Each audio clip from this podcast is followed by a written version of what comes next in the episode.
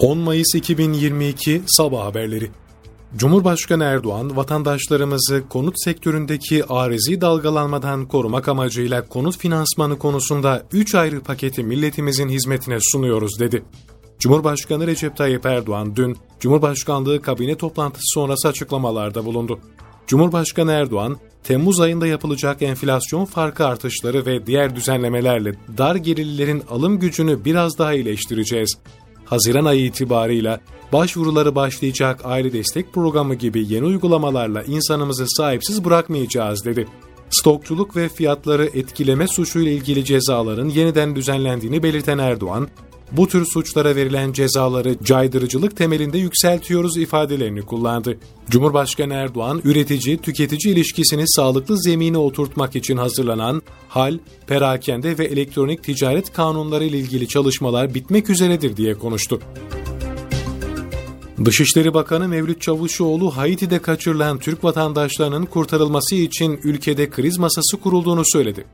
Haiti'de içinde 8 Türk vatandaşının da bulunduğu bir yolcu otobüsünün kaçırılması olayına ilişkin soruyu cevaplayan Çavuşoğlu, takip ediyoruz, bir kriz masası kurdular Haiti'de şu anda, dedi. Kaçırma nedeni olarak fidye ihtimalinin düşünüldüğünü ifade eden Bakan Çavuşoğlu, Türk vatandaşlarının sağlık durumları ile ilgili olumsuz bir bilginin de olmadığını vurguladı.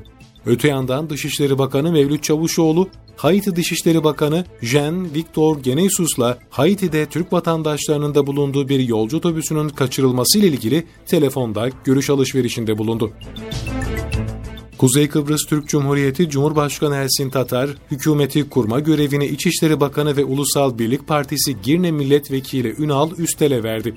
Yapılan açıklamaya göre Cumhurbaşkanı Tatar, Başbakan Faiz Sucuoğlu'nu Cumhurbaşkanlığında kabul etti. Yapılan açıklamada Cumhurbaşkanı Tatar, Ulusal Birlik Partisi Genel Başkanı ve Başbakan Sucuoğlu ile istişarelerde bulunduktan sonra anayasanın 106. maddesinin ikinci fıkrasına dayanarak Ünal Üstel'i yeni hükümeti kurmakla görevlendirdi denildi.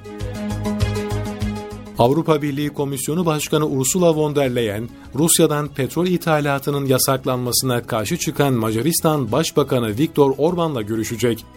Avrupa Birliği üyesi ülkelerin temsilcileri hafta sonu boyunca Brüksel'de gerçekleştirdikleri toplantılarda Rusya'ya karşı uygulanacak yeni yaptırım paketindeki petrol ithalatına yasak getirilmesi konusunda uzlaşma sağlayamadı.